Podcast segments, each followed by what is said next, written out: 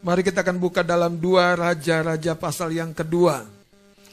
Pagi hari ini, saudara Tuhan sedang membawa kita dalam sebuah arahan yang sebetulnya saling menyatu minggu lepas minggu. Saling menyatu minggu lepas minggu. Karena itu saya berdoa kita menjadi murid Tuhan, kita menjadi pembelajar firman. Kita jadi orang yang menyimak saudara. Karena betapa sering kali Tuhan Yesus sendiri bahkan mengajari murid-muridnya. Tapi sayangnya muridnya tidak memiliki sebuah sikap hati yang menyimak. Itu sebabnya ketika Yesus bangkit, murid-murid tidak mudah untuk mempercayai kebangkitan Yesus. Saudara, kita akan memasuki minggu Paskah, ya. Karena itu saya berdoa biar kita akan mengalami sebuah musim kebangkitan. Amin. Dua Raja-Raja pasal yang kedua ayat yang ke-19 sampai ayat yang ke-22. Saya beri judul tema khotbah kita Supernatural Change. Perubahan supernatural. Ayat yang ke-19 sampai ayat 22, mari kita akan baca bersama-sama dari judul perikopnya. Dua, tiga. Elisa menyehatkan air di Yeriko. Berkatalah penduduk kota itu kepada Elisa, Cobalah lihat, letak kota ini baik seperti tuanku lihat. Tetapi airnya tidak baik dan di negeri ini sering ada keguguran bayi. Jawabnya, Ambillah sebuah pinggan baru bagiku dan taruhlah garam ke dalamnya. Maka mereka membawa pinggan itu kepadanya. Kemudian pergilah ia ke mata air mereka dan melemparkan garam itu ke dalamnya serta berkata, Beginilah firman Tuhan, telah kusehatkan air ini, maka tidak akan terjadi lagi olehnya kematian atau keguguran bayi Demikianlah air itu menjadi sehat sampai hari ini sesuai dengan firman yang telah disampaikan Elisa. Bapak Ibu Saudara jemaat GP Kemah Pujian, kalau Anda membaca firman ini, saya berdoa lebih dalam lagi, lebih jauh lagi. Karena ada pesan rohani yang apa yang tertulis di dalam kata-kata yang dicatat di dalam perikop yang sudah kita baca ini. Saudara tahukah bahwa kota Yeriko kehilangan begitu banyak benih-benih kandungan dari masyarakat di sana. Dan ini bukan hanya berbicara benih-benih lahiriah. Kalau Anda sekian tahun, sekian waktu yang lalu kehilangan benih kandungan rohanimu, hari ini tidak akan terjadi lagi.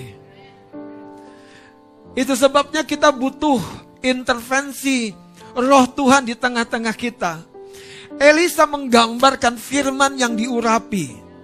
Elisa menggambarkan firman yang diurapi, saudara.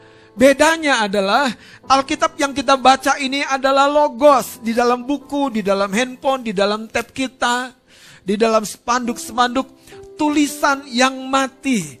Tetapi firman itu akan memiliki kuasa waktu diperkatakan, respoken oleh orang yang diurapi. Itu sebabnya dalam cerita Elisa ini, Elisa saudara mengalami sebuah perkara supernatural. Dan itu terjadi saudara, bukan karena hal-hal yang baru.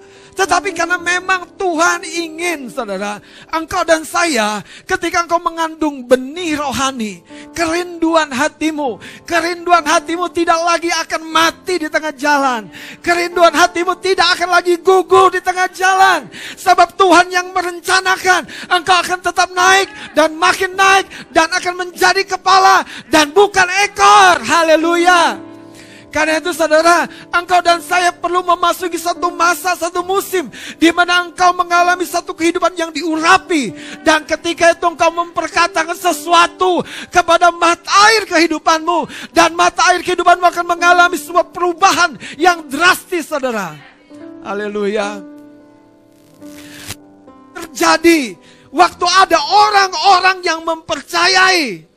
Saya mau berkata saudara, Hari ini engkau akan melihat sebuah perubahan dalam cara yang ilahi, cara yang supernatural. Tetapi di dalamnya Tuhan memanggil engkau dan saya seperti penduduk kota Yeriko ini yang mempercayai bahwa Allah masih mau bekerja dan dia tetap bekerja. Namun masalahnya engkau perlu mempercayai bahwa dia bekerja melalui firman-Nya. Dia bekerja melalui firman-Nya. Dia bekerja melalui firman-Nya. Dan ketika hidupmu saudara mengalami sebuah peningkatan, sebuah eskalasi seperti kolom Bethesda yang ketika malaikat turun bergejolak saudara, perkataanmu akan seperti perkataan yang sama yang diucapkan oleh Elisa. Perkataan yang akan menghasilkan perubahan kehidupanmu. Saudara Tuhan belum berhenti menghasilkan sebuah kehidupan yang berbuah lebat di dalam kehidupanmu. Belum saudara. Buku kehidupanmu masih ditulis dan lakon utamanya adalah dirimu sendiri.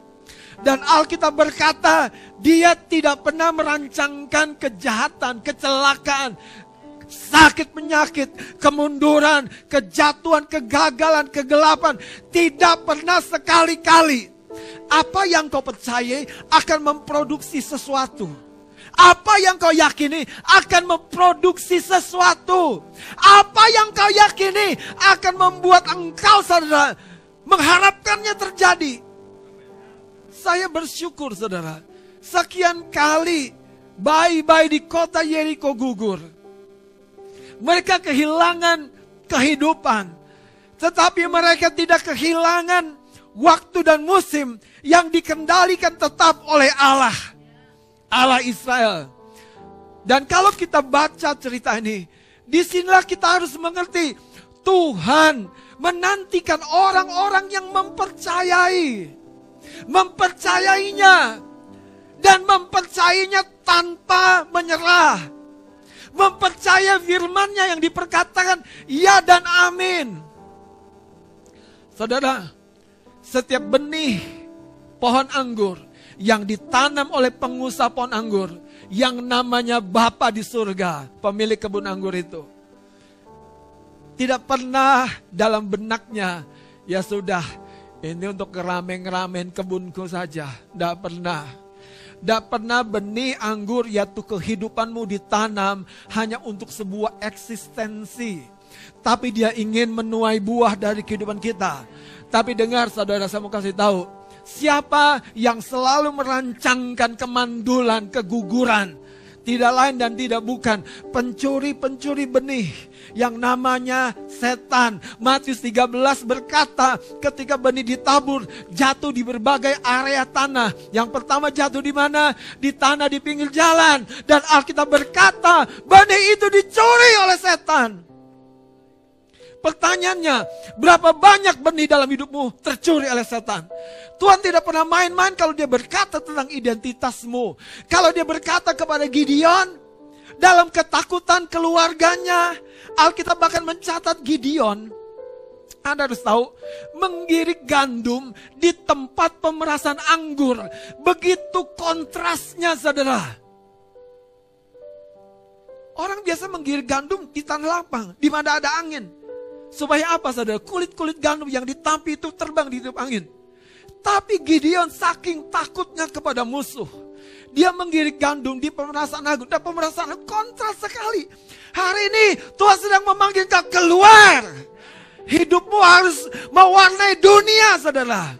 Keluar. Engkau tidak lagi bersembunyi di dalam tempat pemerasan anggur. Sementara engkau menggiring gandum. Apa yang kita butuhkan? Pekerjaan roh Tuhan. Apa yang kita butuhkan? Intervensi roh Tuhan. Saudara Elia, Elisa, manusia biasa. Tetapi mereka diurapi roh Tuhan. Sesederhana itu. Sesederhana itu saudara. Mereka diurapi roh Tuhan. Dan perkataan yang dikatakan oleh Elia turun kepada Elisa muridnya. Itu sebabnya ketika tiga orang raja, anaknya daripada Raja Ahab, terusnya Yosafat dan Raja Moab, saudara, hendak berperang. Raja Amon atau Moab kalau tidak salah. Mereka sudah pada satu titik kritis tidak ada air untuk sebuah rakyat, tentara, dan ternak yang besar. Tapi ketika mereka dalam keputusasaan itu. Saudara lihat saja dalam cerita ini. Kita akan tahu, mari lihat dua raja-raja pasal 3. Nanti kita balik lagi ke dua raja-raja pasal yang kedua.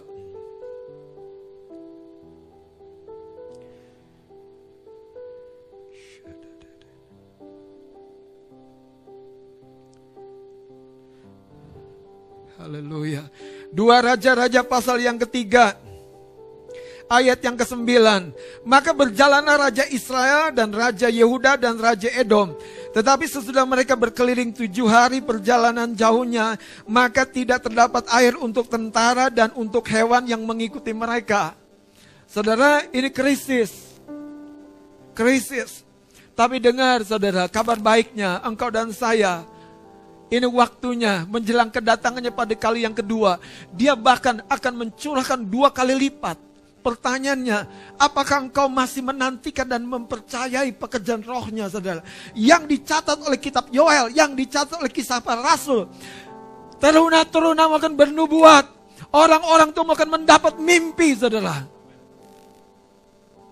Lihat saudara, ayat yang ke-10. Ini sebabnya Anda harus berhati-hati dengan siapa engkau berjalan hari ini. Apakah engkau sedang berjalan bersama dengan seorang raja Israel? Jangan salah dalam konteks ini. Siapa raja Israel? Itu anak daripada seorang raja yang namanya Ahab. Seorang penyembah berhala. Ketika mereka dalam krisis, Yosafat ingat, ada Elisa Lihat ayat yang ke 10.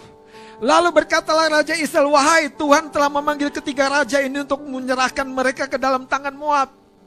Gak ada harapan. Ya udah, ya udah, menyerah saja.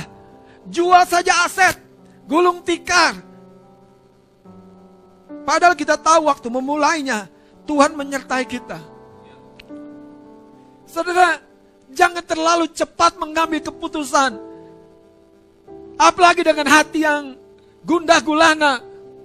Dan dalam konteks ini Anda harus tahu. Ketika Yosafat berjalan dengan seorang raja yang fasik. Yang tidak takut akan Tuhan. Mereka akan cenderung mengambil kesempatan, menggoyahkan imanmu.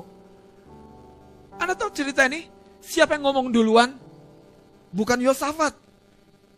Tapi raja ini yang satu ini yang tidak takut akan Tuhan. Saya berdoa inilah waktunya kita memisahkan dari orang-orang saudara yang menggugurkan imanmu, yang melemahkan imanmu. Sebaliknya, engkau harus menetapkan destinimu yang dari Tuhan. Haleluya. Lihat ayat yang ke-11. Waktu si Yoram ini, betul namanya Yoram, ya. Berkata seperti itu, Yosafat merespon dari pengertian rohaninya. Yosafat percaya firman Allah, saudara. Ayat 11, tetapi bertanyalah Yosafat, tidak adakah di sini seorang nabi Tuhan supaya dengan perantaranya kita meminta petunjuk Tuhan? Lalu salah seorang pegawai raja Israel menjawab katanya di sini ada Elisa bin Safat yang dahulu melayani Tuhan.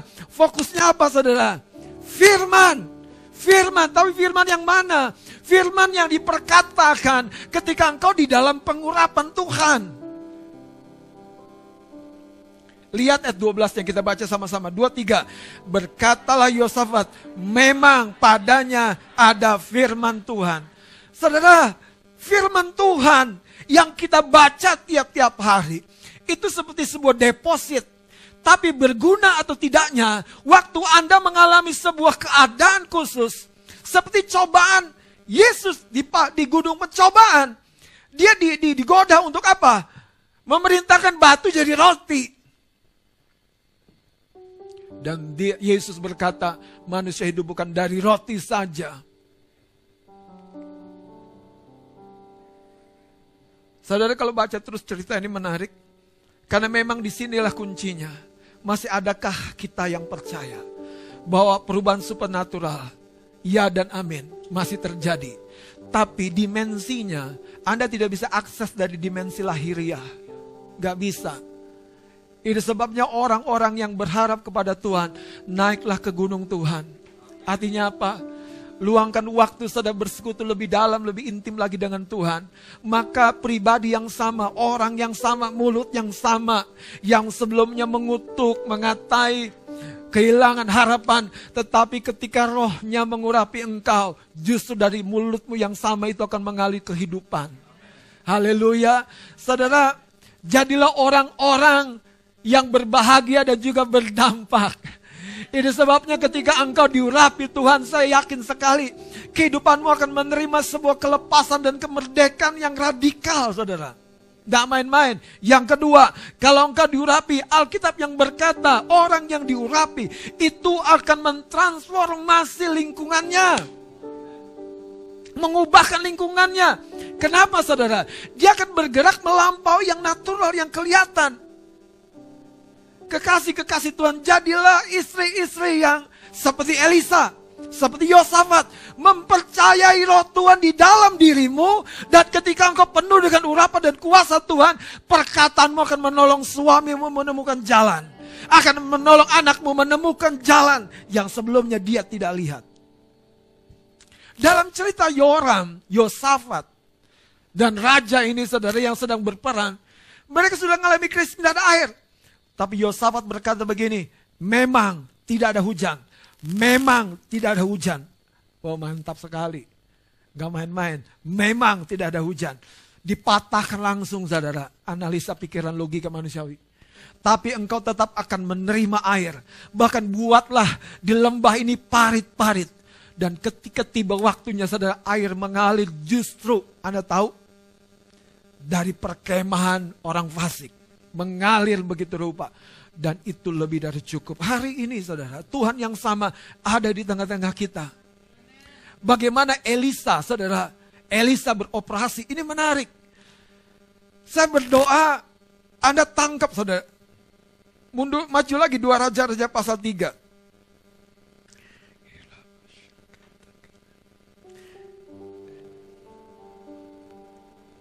Mari lihat saudara ayat yang ke-14. Berkatalah Elisa demi Tuhan semasa alam yang hidup yang di hadapannya aku menjadi pelayan jika tidak karena Yosafat Raja Yehuda. Maka sesungguhnya aku ini tidak akan memandang dan melihat mukamu. Maka sekarang Nabi ini punya kepentingan yang istimewa dengan pelayanan pujian penyembahan. Nabi ini punya kepentingan yang dalam, yang unik, saudara, kepada pelayanan para pemetik kecapi.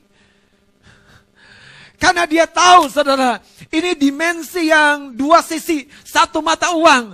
Ketika Nabi kehilangan fokusnya karena melihat Yoram, dia butuh orang yang merefokus kembali hatinya. Fokus, fokus, fokus. Dan ketika saudara alunan permainan kecapi itu menyentuh Yosafat, menyentuh uh, Raja Yoram ini, menyentuh saudara Nabi ini. Elisa mulai menyampaikan pesan Tuhan. Coba lihat.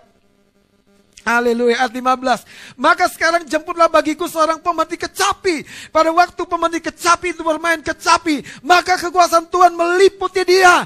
Karena itu saya berdoa saudara kalau doa pagi saat teduh pagi. Putar saja rekaman ibadah seperti hari ini.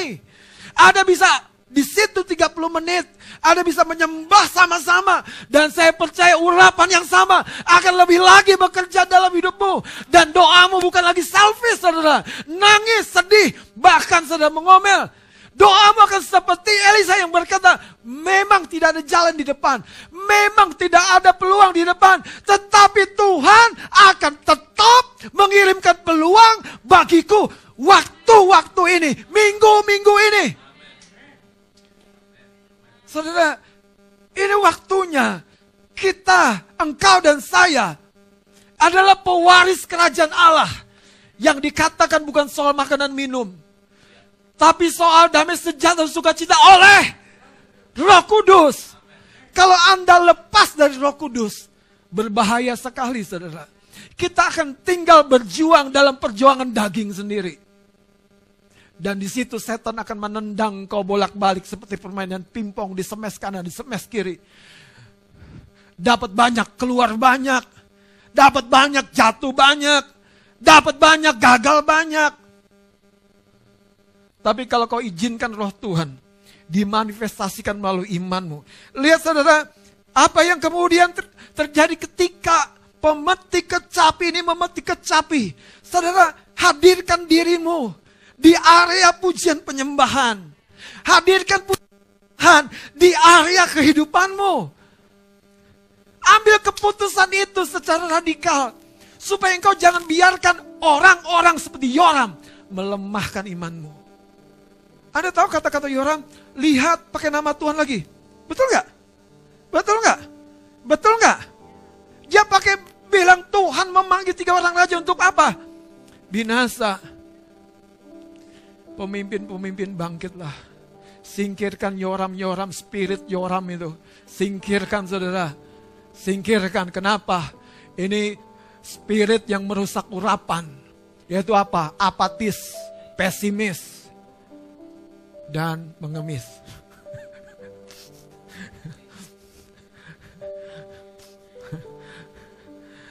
Puji Tuhan.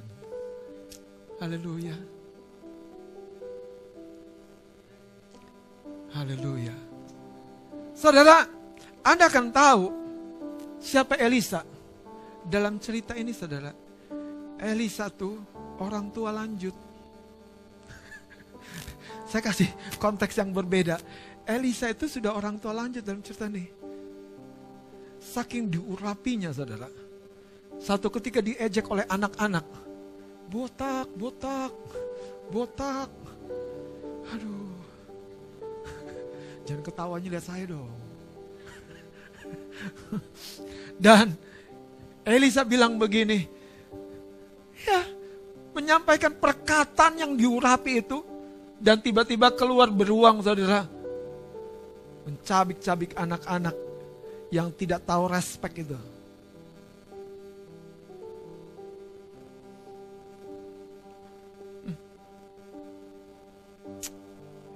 Tolong seorang baca ayat 17, ayat 16 17. Dua Raja-Raja 3 ayat Iya. 16 dan 17. Kemudian berkatalah ia, beginilah firman Tuhan, biarlah di lembah itu ini dibuat parit-parit Ada tahu Tuhan butuh respon kita. Jadi kalau dia menyampaikan sebuah pesan Tuhan, Anda harus paham, ada poin yang engkau harus ambil bagian. Makanya dia berkata, buatlah, dibuat, biarlah di lembah ini dibuat parit-parit. Terus,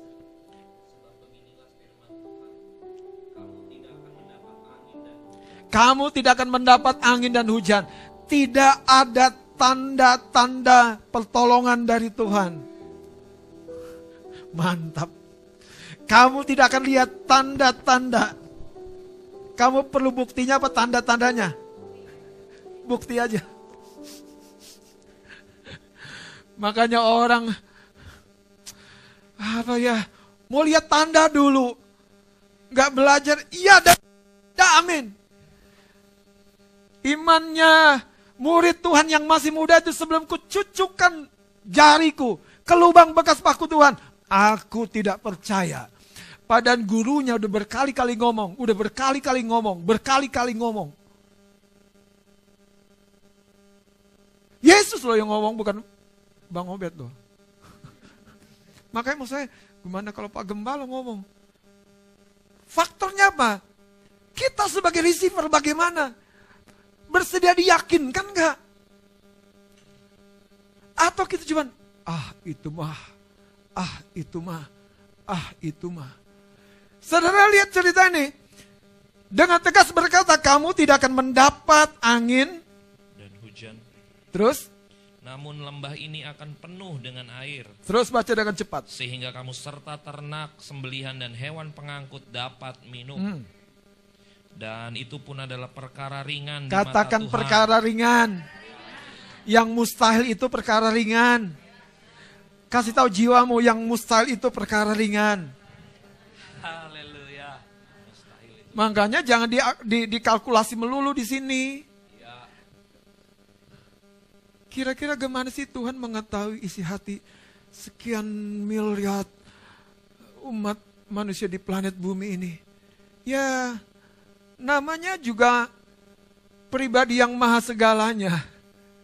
Maha mengetahui. Anda dan saya itu kecil sekali. Kenapa? Karena pemazmur bahkan berkata, bumi ini seperti tumpuan kakinya. Aduh. Aduh, gede sekali kakinya. Iya, saudara. Dia Allah yang bukan hanya besar, tapi great. Saudara, itu perkara ringan. Coba apa yang rasanya tidak mungkin? Engkau tidak akan lihat akses terbuka, tapi engkau tetap akan berjalan terus masuk ke sana. Engkau tidak akan lihat orang datang memberikan dukungan keuangan, tapi engkau tetap akan menerima dukungan keuangan. Karena kadang-kadang yang kita butuhkan bukan penglihatan, yang kita butuhkan hati seperti penduduk Jericho yang percaya. Ayat 18 baca lagi. Dan itu pun adalah perkara ringan di mata Tuhan. Wow. Juga orang Moab akan diserahkannya ke dalam tanganmu. Lihat saudara sampai di situ perkara ringan untuk memelihara kehidupan. Tapi lebih daripada itu, Tuhan ingin membawa engkau progres. Tuhan ingin membawa engkau menyelesaikan misimu. Katakan amin. Tepuk bawah kanan kirimu kasih tahu, Tuhan ingin engkau menyelesaikan misimu. Tuhan ingin engkau menyelesaikan misimu. Bukan hanya perkara makan minum. Haleluya. Hidupmu punya misi. Haleluya. Bukan hanya ngegedein badan doang, punya misi. Ya. Makanya bukan hanya memelihara makanan minum. Tapi lebih daripada itu. Nah saudara, kembali kepada dua raja-raja pasal yang kedua. Kejar kehidupan yang diurapi Tuhan. Bangun saudara manusia rohmu. Mulut yang sama, firman yang sama yang kau masukkan di dalam batinmu dan pikiranmu. Tetapi saudara, roh batinmu yang dibaharui oleh Tuhan itu jauh, jauh, jauh sangat berbeda. Masalahnya di mana? Karena di dalam batinmu sekarang ada roh Tuhan yang bergejolak.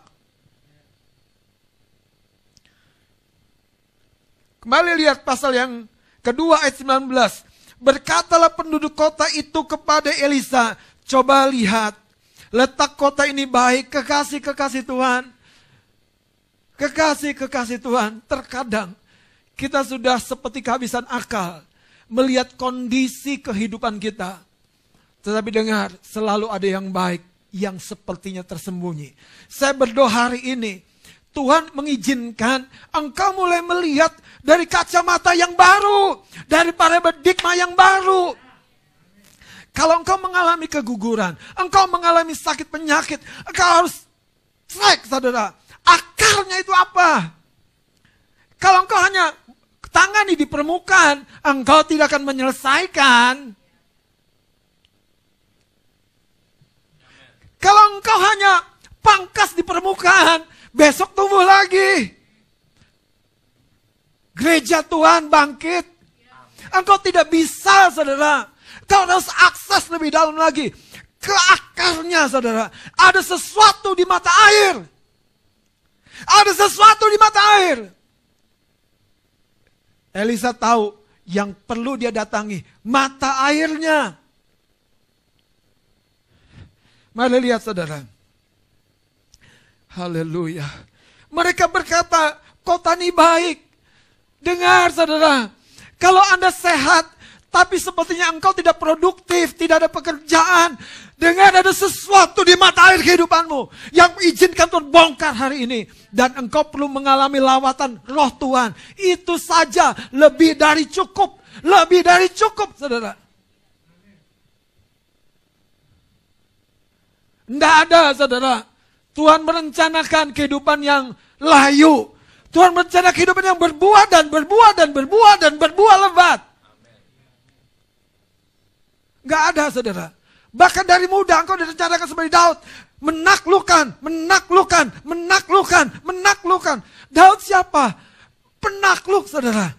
Singa beruang ditaklukkan. Goliat ditaklukkan. Haleluya. Siapa lagi ditaklukkan? Tentara yang besar ditaklukkan. Itu rancangan Tuhan buat kita. Masalahnya sederhana.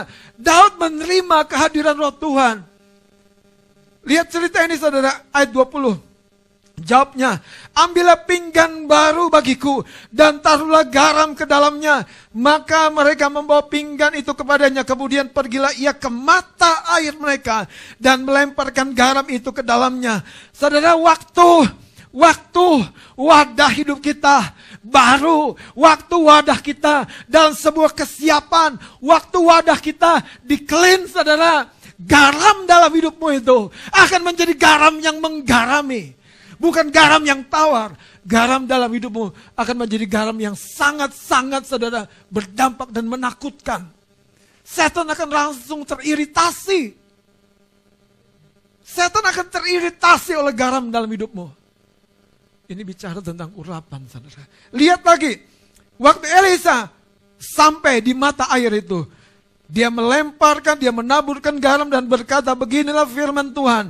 Telah kusehatkan air ini maka tidak akan lagi terjadi, tidak akan terjadi lagi olehnya kematian atau keguguran baik. Beri tepuk tangan bagi Tuhan Yesus, haleluya. Saya percaya tidak ada kandungan-kandungan mimpi-mimpi besar dalam hidupmu. Saudara, Jangan berhenti di tahun 2021 ini. Dan kau berkata memang aku bukan jadi pengusaha. Memang aku tidak cocok membuka bisnis. Memang aku tidak cocok berumah tangga. Memang aku tidak bisa. Jangan seperti Sarah yang berkata memang Tuhan tidak memberi aku anak. Buku kehidupanmu belum lengkap ditulis. Dan Tuhan masih berkarya dengan rohnya. Haleluya. Ini sebabnya saudara ayat 22 dicatat. Demikianlah air itu menjadi sehat sampai hari ini sesuai dengan firman Allah yang telah apa? Disampaikan oleh Elisa. Saudara dengarkan saya. Musuh yang sesungguhnya itu bukan yang di permukaan. Tapi justru di kedalaman saudara. Izinkanlah Tuhan membawa kita di kedalaman dan kita disembuhkan. Musuh kita bukan tidak ada modal, bukan tidak ada mitra bisnis, bukan tidak ada apa namanya tempat berjualan yang baik, bukan saudara. Kalau Tuhan di pihakmu, saudara, mau orang punya faktor keberuntungan yang sempurna, tapi Tuhan bisa membawa pelanggan kepada daganganmu. Musuh yang sesungguhnya bukan tidak ada pertemanan. Musuh yang sesungguhnya ada sesuatu yang memblok saudara. Dengerin saya saudara. Musuh yang sesungguhnya bukan tidak ada pertemanan. Dan kau berkata, ya memang aku nggak bisa, aku nggak gini dan segala yang lainnya. Tapi saya mau beritahu sesuatu yang ditanam musuh lebih dalam di mata air, di akar itu. Hari ini kita babat saudara. Dengan firman.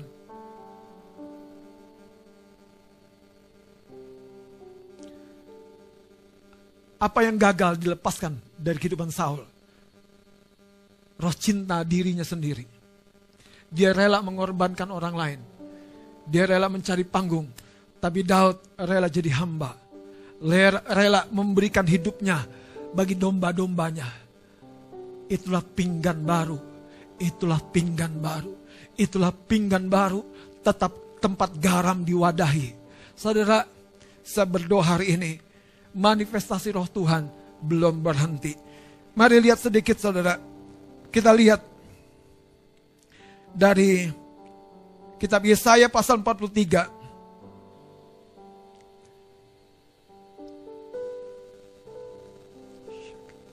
Yesaya pasal yang ke-43 ayat 18. Mari kita baca sama-sama ayat 18 sampai ayat yang ke-21, 23. Firmannya, Janganlah ingat-ingat hal-hal yang dahulu dan janganlah perhatikan hal-hal yang dari zaman purbakala. Lihat, yes, aku hendak membuat sesuatu yang baru. Amin. Yang sekarang sudah tumbuh. Belumkah kamu mengatakan, lihat saudara, ini dia. Berhenti sebentar. Tuhan ingin membawa penglihatan, pemikiran dan pengertian kita kepada sesuatu yang sedang tumbuh dan tumbuhnya di mana? Di alam rohani. Dari sana saudara, kenapa kemenanganmu di alam rohani menghasilkan kemenangan di alam lahiriah? Itu pasti saudara, itu pasti sekali, pasti sekali. Karena itu jangan izinkan saudara satu keadaan, satu pemikiran, satu kehidupan yang membuat kehidupan rohanimu makin merosot. Garammu tidak lagi efektif karena pinggangmu saudara sudah bercampur dengan banyak sesuatu yang tidak kotor, tidak bersih. Dari kehidupan lama, lihat dikatakan begini. Ya, aku hendak baca sama-sama. Aku hendak membuat jalan di padang gurun dan sungai-sungai di padang belantara binatang hutan. Yes.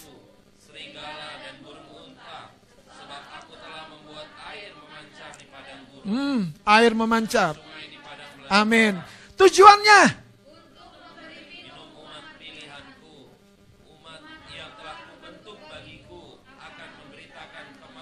Saudara tahu, tujuan kita tidak lain dan tidak bukan. Yohanes 15 berkata, kalau engkau berbuah lebat, dengan itulah Bapakku dipermuliakan. Jadi jangan tukar. Hidupku sudah begini, sudah memuliakan Tuhan. Alkitab yang berkata kalau engkau berbuah lebat, maka Bapakku dipermuliakan. Karena dia pengusaha kebun anggur yang menatam, menanam benih anggur dengan satu tujuan. Supaya kehidupan engkau dan saya berbuah lebat. Mari kita bangun, kita bangkit berdiri. Mari angkat pujian yang lingkupiku. Dia belum berhenti bekerja. Penduduk kota Yeriko mengalami keguguran, keguguran, keguguran. Tapi ketika satu masa terjadi, satu masa di mana roh Tuhan bekerja dan mengurapi seorang yang bernama Elisa. Mereka tidak menunda. Saudara, dengerin saya. Setan punya satu senjata yang kadang begitu yang namanya penundaan. Anda baca tadi bagaimana penduduk kota Jericho bicara sama Elisa, itu setelah Elisa mengalami urapan dari Elia. Saudara, itu dalam satu rangkaian peristiwa yang sama. Jangan tunda. Saya ingat saudara cerita di Alkitab tentang Dorcas. Banyak perbuatan baiknya. Meninggal, dimandikan. Tapi saudara, ada orang-orang yang dengar Rasul Petrus tidak jauh dari kota kita. Kita undang dia dan Dorcas dibangkitkan. Saudara, jangan tunda engkau mengakses. Izinkan rohmu dibangkitkan, di, dibuat bergejolak lagi saudara. Dan biarkan saudara pinggan yang baru menampung garam-garam kehidupan yang sama yang ketika kau taburkan di keuanganmu, kau taburkan saudara di pekerjaanmu, kau taburkan di rumah tangga dan kau berkata, demikianlah firman Allah. Rumah tangga kau akan diberkati dan sangat diberkati. Rumah tangga kau akan berbuah lebat dan berbuah lebat lagi. Pekerjaanku bukan akan makin turun, tapi aku akan semakin diberkati, diberkati kesehatan, diberkati keuangan. Amin. Mari kita angkat pujian ini. Katakan lingkupiku.